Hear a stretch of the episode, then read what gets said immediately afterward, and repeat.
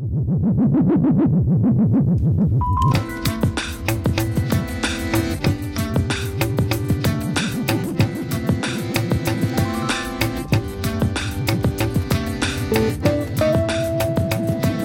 tempo da conversa desta tarde, contamos outro lado do teléfono con Minia Manteiga, que é astrofísica na Universidade da Coruña, no Departamento de Ciencia da Navegación e da Terra.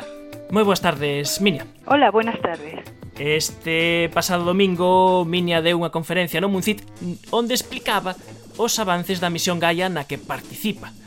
Con Minia falábamos da misión Gaia, unha misión da Ciencia Espacial Europea, nos falamos con ela no ano 2012, eh, un ano antes de que saíse a misión.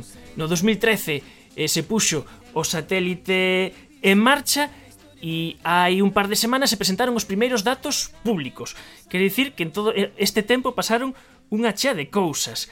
Pero podemos empezar recordando, Minia, se che parece, cal é a misión do proxecto Gaia da Ciencia Espacial Europea? Pues el proyecto Gaia es un proyecto eh, espacial grande. Es una misión de las importantes de la Agencia Espacial Europea, eh, importante en cuanto a objetivos científicos, importante en cuanto a tamaño de misión e importante en cuanto a complejidad.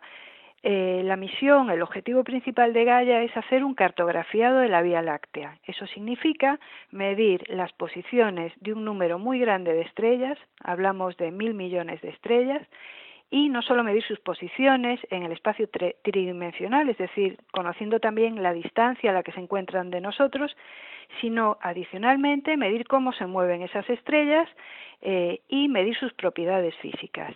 Son objetivos realmente ambiciosos y por eso es un proyecto importante del que se ha hablado mucho últimamente porque realmente es paradigmático para la astronomía del siglo XXI. Ademais, é un proxecto que vai a xerar unha cantidade tan inmensa de datos que o que se prevé é que os astrónomos, os informáticos, os astrofísicos estades analizando os datos máis aló de que remate a misión. Exactamente. Eh, Gaia eh, es una misión mm, que va a ir mm, pues escaneando el cielo, por así decirlo, tomando medidas en bandas del cielo de forma sucesiva durante cinco años y observará de forma repetitiva los mismos objetos en una media de unos unas 70 veces por objeto.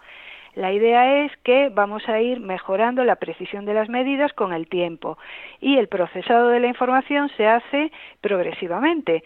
Eh, lo que hemos hecho eh, pues estos días es sacar a la luz, hacer pública una primera versión de los datos procesados porque contienen información que ya es de utilidad para, para los astrónomos, pero eh, va a haber archivos posteriores donde esa información sea mucho más completa y la precisión de las medidas eh, sea más alta, es decir, tengamos errores más pequeños.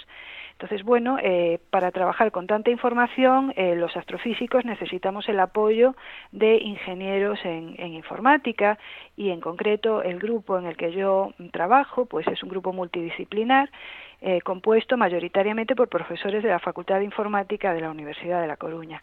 Que é o Grupo Galego de Gaia. O Grupo Galego de Gaia. Bueno, el Grupo Galego de Gaia es un poquito más amplio. Somos dos astrofísicas, eh, Ana Ulla, que está en la Universidad de Vigo, y yo aquí en Coruña y luego pues eh, un grupo de profesores de la Facultad de Informática. Le llamamos Grupo Gallego de Galla para incluir a Ana, que no es exactamente de la, de la Universidad de La Coruña. El grupo nuestro está dentro de un laboratorio que llamamos Laboratorio Multidisciplinar de Aplicaciones de Inteligencia Artificial, eh, dentro de, de los grupos de investigación de la Universidad de La Coruña.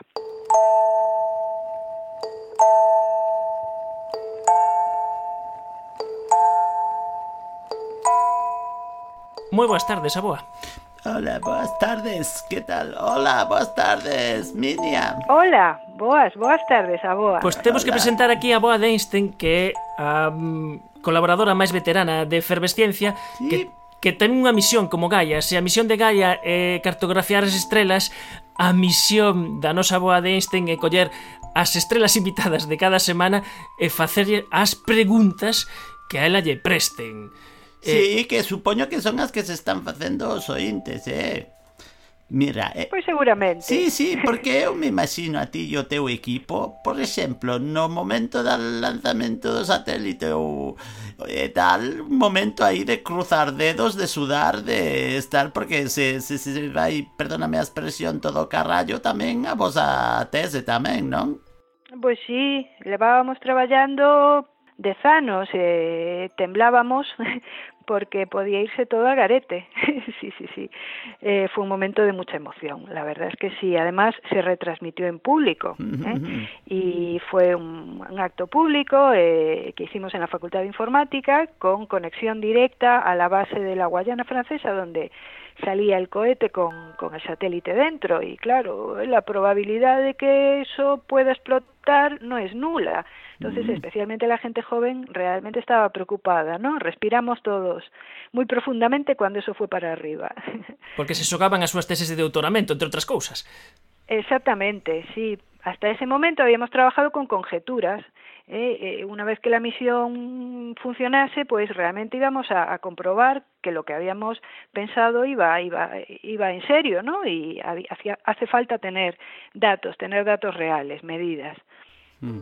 Pero incluso eh, saindo ben ese primeiro momento, non todo foi un camiño de rosas. Vos esperaban novas dificultades. Por exemplo, o proxecto é un proxecto europeo, non? Donde hai máis grupos, donde o resto dos grupos lles puxeron, digamos, tarefas sobre temas eh, máis ben coñecidos. E a vos tocou vos o marrón, teño entendido, de tratar temas descoñecidos. Que pasa? Que vos estaban poñendo a prova ou ¿Qué? ¿Cómo vos sentisteis? Pues fuimos los últimos en llegar, entonces hubo que hubo que hubo, hubo poco donde escoger, pero sí, eh, quizá un poco eso tuvo que ver, porque eh, no éramos un grupo especialmente conocido y eh, bueno, pues lo que quedaba era el análisis de todo aquello que no fuese normal, lo que eh, lo que quedase como subproducto, como lo que no fuesen capaces de, de entender bien el, el, resto de grupos de, trabajo, lo que ellos llaman objetos extraños, objetos que no se pueden clasificar, pues alguien tenía que mirarlos en detalle. Y, y esa fue la labor que nos dieron los, los outliers, los objetos raros. Y bueno, fue todo un reto. Al principio nos costó hacernos a la idea de, cómo plantear el problema, pero finalmente fue una buena elección. Porque tenemos que explicar que con esos datos o que está recollendo Gaia son datos, en primeiro lugar, de posición, de coordenadas, de onde están esas estrelas, pero tamén eh, instrumentos que levan se poden analizar eh, esa luz que chega e ver as características e propiedades eh, das estrelas. E eses datos, esa, esa luz, esos son os, os espectros, o que hai que facer é comparalo con cousas coñecidas e ver se si é unha enana vermella, unha estrela xigante, o que sexa, E iso é facer, aplicando técnicas de inteligencia artificial, eso facer comparacións, eso que fan diferentes grupos. Pero a vos, vos, vos caeu precisamente coller esos datos, facer ese cribado de datos e dicir, bueno, imos ver se aparte das cousas que coñecemos pode haber cousas descoñecidas. E digo eu, como é posible buscar algo que non se sabe o que é? Eso mismo nos preguntamos nosotros, eh, porque sin disponer de patrones de información previa, es, es francamente difícil plantearse siquiera mm, pues un, un algoritmo, una técnica para, para atacar el problema. Y comentábamos el otro día que eh, las primeras reuniones del consorcio Gaia, que eran reuniones en Europa, eh, a las que asistíamos, pues todo el mundo iba más o menos con sus simulaciones, sus modelos para trabajar con sus tipos de estrellas favoritos, por así decirlo, y nosotros llegábamos allí y, y decíamos, es que no tenemos modelos, no estamos pensando en un algoritmo que sea lo suficientemente general como para poder eh, atacar el problema, pero nos costó hasta que se nos ocurrió utilizar pues una técnica de inteligencia artificial que trabaja con clasificación de objetos por sus propiedades intrínsecas, sin, sin recurrir a modelos, ¿no? Lo que hace es ordenar la información. Y la información, una vez ordenada, es mucho más fácil de analizar porque se disminuyen las incógnitas, por así decirlo. Tienes, eh, pues, eh, si, si, cuentas con 100 millones de objetos y eso lo reduces a 500 mm, posibilidades, pues eh, la facilidad de estudiar 500 cosas distintas es mucho mucho mejor que abordar el problema de atacar esos esos 100 millones de objetos desconocidos. Entonces, hemos utilizado una técnica que se llama mapas autoorganizativos, es un tipo de redes de neuronas artificiales eh, que se utiliza mucho para analizar información no solo en astronomía, sino mm, pues en muchas aplicaciones de la vida corriente. Ah, esto como si ordenas a tu casa, eh, ordenas, vas clasificas por tamaños, eh, pesos, cousas, e logo resulta metes todos en caixas e hai caixas que sabes o que tes e logo te veces unha caixa que ves que isto non o tiñas, non sabías que o tiñas na casa. Podría ser algo así? Exactamente. Esa es, esa es la idea, ¿no? Una vez que tienes todo ordenado, dices, bueno, pues esto, ¿dónde está en la galaxia? Pues a lo mejor resulta que en una bolsa tengo un montón de objetos raros que no se parecen a nada visto previamente, pero resulta que están, pues, por ejemplo, muy cerca del plano galáctico. Si están en el plano galáctico, seguramente son estrellas. ¿Eh? porque es en el plano de la galaxia donde se están formando estrellas. Quizá además sean estrellas jóvenes, es muy probable, y a lo mejor son raras porque están en una fase de su vida que ocurre muy rápidamente y como mm, nunca se habían observado tantos objetos como los que va a medir Gaia, pues nunca se había llegado a ver esa fase de la vida de, las estrellas que es tan rápida, porque no teníamos información suficiente. Entonces, bueno, la idea es, eh, una vez ordenada la información, ser capaces de buscar propiedades comunes que tienen esos, esos datos y poder inferir eh, qué hay ahí, ¿no? Que, qué tipo de objetos son. Y quizá a posteriori recurrir a los telescopios en tierra para confirmar que esos objetos eh, están ahí y estudiarlos más en detalle. Mira, vamos a proponer un concurso. Mm, sí, non vas ganar nada, simplemente o teu prestixio como científica. Mira, tes que adivinar eh, tes que adivinar que, que o que estás escoitando e de, e de que, e de que circunstancia mm, física estamos falando.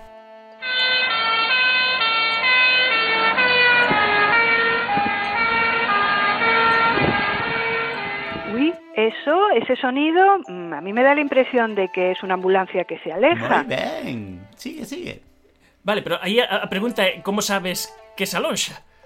Pues la verdad es que el sonido ha cambiado de frecuencia. ¿eh? A medida que, que se oía el sonido, hemos visto que ha pasado a ser un sonido más grave. y por tanto eh, que se está desplazando, alejándose de nosotros. Es el mismo efecto que observamos en las estrellas, curiosamente. ¿Y cómo se llama? ¿Cómo se llama? Pues es el efecto Doppler. ¡Efecto Doppler, acertaches! Bien. Eres una científica de tombo el hombo. Ben, efecto Doppler, e efecto Doppler que eh, pasa aquí eh, coas eh, ondas sonoras que cando se achega o noso obxeto, pois eh, se van apretando, cando se separan, se van separando Eso tamén o utilizades vos nas vosas medidas. Exactamente. En Gaia hai unha instrumentación bastante compleja, en realidad lleva varios instrumentos y uno de ellos es un espectrógrafo de alta resolución. Eso significa que es un instrumento que lo que hace es separar la luz en colores con mucha precisión, de manera que vamos a poder observar rayas espectrales que son pues eh, pues unas, unos rasgos que aparecen en los espectros de las estrellas, son como sus huellas dactilares, y en el caso de que la estrella se esté acercando o alejando de nosotros, vamos a ver que esas rayas están desplazadas respecto a la posición que tendrían en circunstancias normales en reposo. Midiendo el desplazamiento, somos capaces de inferir la velocidad de alejamiento o acercamiento. Esto lo vamos a poder hacer en Gaia solo para eh, estrellas relativamente brillantes, porque realmente hace falta bastante luz, hace falta bastantes fotones para poder descomponer la luz de esta manera. Los objetos muy débiles, pues lamentablemente habrá que esperar unos años a tener otra misión semejante a Gaia, pero de mayor poder captador de luz, pues en órbita. A precisión de Gaia é abraiante, porque eh, este satélite ten unha resolución tal que, por poñer un exemplo que dá moitas veces miña, eh, eh, sería que de discriminar unha moeda dun euro eh, posta na lúa, de aquí á lúa, eh, sería capaz de discriminar esa distancia. Pero houve unha misión previa eh, precursora de Gaia que é Hiparcos, que fixo algo semellante pero con menos precisión. Sí, eh, Hiparcos foi tamén unha misión da Agencia Espacial Europea, unha misión que terminó a mediados de los años 90 y eh, fue la pionera en hacer astrometría en el espacio. Eh, bueno, pues la tecnología ha mejorado desde los años 90 hasta ahora y, eh, y, si bien Hiparcos consiguió medir la distancia a unas 150.000 estrellas en el entorno de nuestro Sol, las más cercanas, Gaia va a aumentar la cantidad de, de distancias a estrellas que podemos determinar, pues mm, ostensiblemente, o sea, pretendemos llegar casi hasta el centro de la galaxia y poder tener una visión bastante completa de cómo están distribuidas las estrellas en, la Vía Láctea y cómo se mueven también. Y Parcos nos ha servido ahora, eh, en esta primera versión que acabamos de publicar del archivo de Gaia, nos ha servido para comparar posiciones y tener los movimientos propios que llamamos de algunas estrellas y poder combinar, combinando los datos actuales de Gaia con los de Hiparcos, sacar esta primera versión de archivos de datos, la, la primera el primer archivo de Gaia. Eh, en realidad es una combinación de datos de la misión Hiparco y de datos de Gaia. Se estas noites ollamos eh, proceo xa avanzada un poquinho a noite cara ao leste, eh, o carón da constelación de Tauro están as, as Pléiades que é un cúmulo estelar, que son unha agrupación de estrelas eh, moi características. E, e, curiosamente, nas Pléiades eh, existe unha certa polémica de a que distancia están este grupo de estrelas porque Hiparcus daba unha medida, eh, por outras metodoloxías daban outras medidas, e ahora creo que vai ser Gaia que nos diga cal é distancia exacta que temos ata as Pléyades. Es cierto, hay una polémica con, con las Pléyades porque, bueno, es un cúmulo relativamente cercano, eh, los cúmulos le podemos determinar la distancia de muchas maneras porque son estrellas que se han formado juntas y sabemos cómo cambia su estructura. Bueno, había varias eh, medidas de, de, la distancia a las Pléyades e Hiparcos lo, lo, que consiguió fue medir una distancia totalmente disparatada respecto a, a la que más o menos habíamos consensuado por otros métodos. Eh, la realidad es que Gaia ha, medido las Pléyades y a Gaia sí le sale una medida, pues de acuerdo con eh, las estimaciones anteriores a Hiparcos. Digamos que Gaia está volviendo a poner a las Pléyades en su sitio.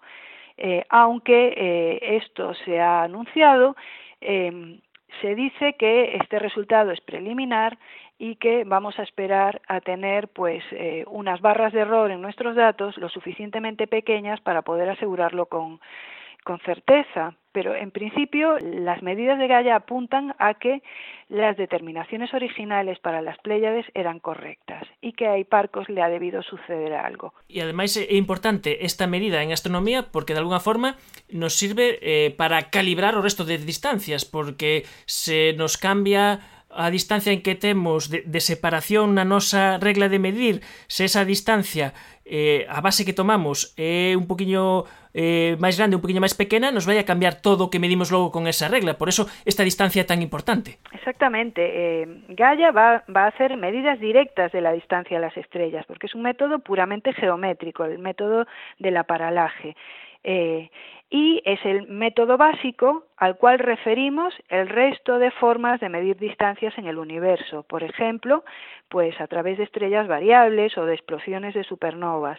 Entonces, todas esas medidas con métodos indirectos se calibran con la determinación directa de distancias que se hace pues por este método que utiliza Gaia. Entonces es eh, pues una, son medidas fundamentales en astronomía que nos sirven para, como tú bien decías, poner en su sitio la, la escalera de distancias, que es una escalera que va peldaños arriba a objetos cada vez más lejanos y que necesita estar bien asentada en su base en medidas realistas, medidas eh, bien hechas de distancias para el entorno del Sol. Por eso es un paso fundamental y por eso es una misión eh, que interesa en general a, a todos los astrónomos trabajen en el campo en el que trabajen. Este interés é un interés que tamén se amplía eh, a empresas como, por exemplo, como Google ou Microsoft. O sea, poderemos ter os datos de Gaia eh, no noso ordenador e navegar por eles? Pues sí, nosotros pensamos que va a existir un mapa 3D eh, que nos alguna aplicación que van, eh, sabemos que estas empresas, en particular Google, está muy interesado en hacer un desarrollo con nuestros datos eh, y poder mostrar eh, mediante algún visualizador 3D eh, no sabemos si de aquí a unos años serán unas gafas o será otro tipo de dispositivo que nos permita visualizar, pues, eh, no solo la posición en 3D de las estrellas de la Vía Láctea, sino también cómo se mueven. Algo parecido a lo que a lo que veíamos en las películas de, de la Guerra de las Galaxias, ¿no? Donde el maestro Yoda llevaba a los niños, eh, donde se forman los Jedi, ¿no? A, a, a pues a les explicaban los sistemas los sistemas planetarios eh, próximos, ¿no? Eh, pues eh, lo ideal sería pues una aplicación de este tipo, quizá haciendo uso de holografías, pues no lo sabemos, pero Google está trabajando y muy interesado en contar con esta información que por otro lado va a ser pública. Información que, bueno, no estamos deseosos de que Google faga algo con eso, pero que información que para os investigadores de libre acceso, que calquera investigador se ten eses datos liberados e pode traballar con cos vosos datos, é ciencia aberta. Exactamente. Los datos de Gaia tienen la particularidad de que no son datos de propietario. Eh, muchas veces en un proyecto espacial ocurre que los equipos que desarrollan la misión pues tienen un tiempo de propiedad sobre los datos, de manera que pueden explotar científicamente la información pues típicamente eh, un año ¿eh? y a partir de ese año se hacen públicos. Entonces hay una ventaja desde el punto de vista de la investigación. En el caso de Gaia, al tratarse de un proyecto tan abierto a Europa, pues eh, desde el principio fue planteado como un proyecto eh, de ciencia pública, entonces, eh, los, investigadores que trabajamos en Gaia sabemos que estamos simplemente construyendo aplicaciones y haciendo un software y haciendo un análisis para presentar a la comunidad científica, que va a acceder desde el primer día en que se haga pública esa información desde con las mismas ventajas entre comillas que nosotros, ¿no? Y bueno, en ese sentido, no solo Europa, sino todo el mundo se va a ver beneficiado por la ciencia de Gaia. Pois a verdade que o proxecto xa nos pareceu apaixoante cando hai 4 anos, eh, miña manteiga, eh, profesora da Universidade da Coruña, eh, nos contou como se estaba a desenvolver ese proxecto de Gaia, cal era a contribución galega, análise eh, dos datos, ademais, esa contribución de, analiz de analizar precisamente onde probablemente poden aparecer sorpresas, cousas novas e probablemente cousas moi interesantes e a verdade é que habemos seguir moi atentos a todo o que está a pasar con esta misión da Ciencia Espacial Europea, hai que telo en conta que non só é a NASA que fai grandes misións, en a que hai unha importante contribución galega. Moitas gracias, Miriam Manteiga, por atender a nosa chamada. Moitas gracias a todos por escucharme e encantada de comentar los avances de Gaia en, en el momento que os parezca oportuno. Reuníos en torno al lector de mapas, despejad la mente y el planeta díscolo de Obi-Wan encontraremos. Debería estar aquí, pero no está. La gravedad atrae a las estrellas de la zona hacia este punto. Hmm. De la gravedad la silueta permanece, pero la estrella y los planetas desaparecido han. ¿Cómo es posible? Hmm. ¿Qué decís? ¿Alguna idea? Maestro, alguien habrá borrado un archivo de la memoria. Sin duda maravillosa la mente de un niño es.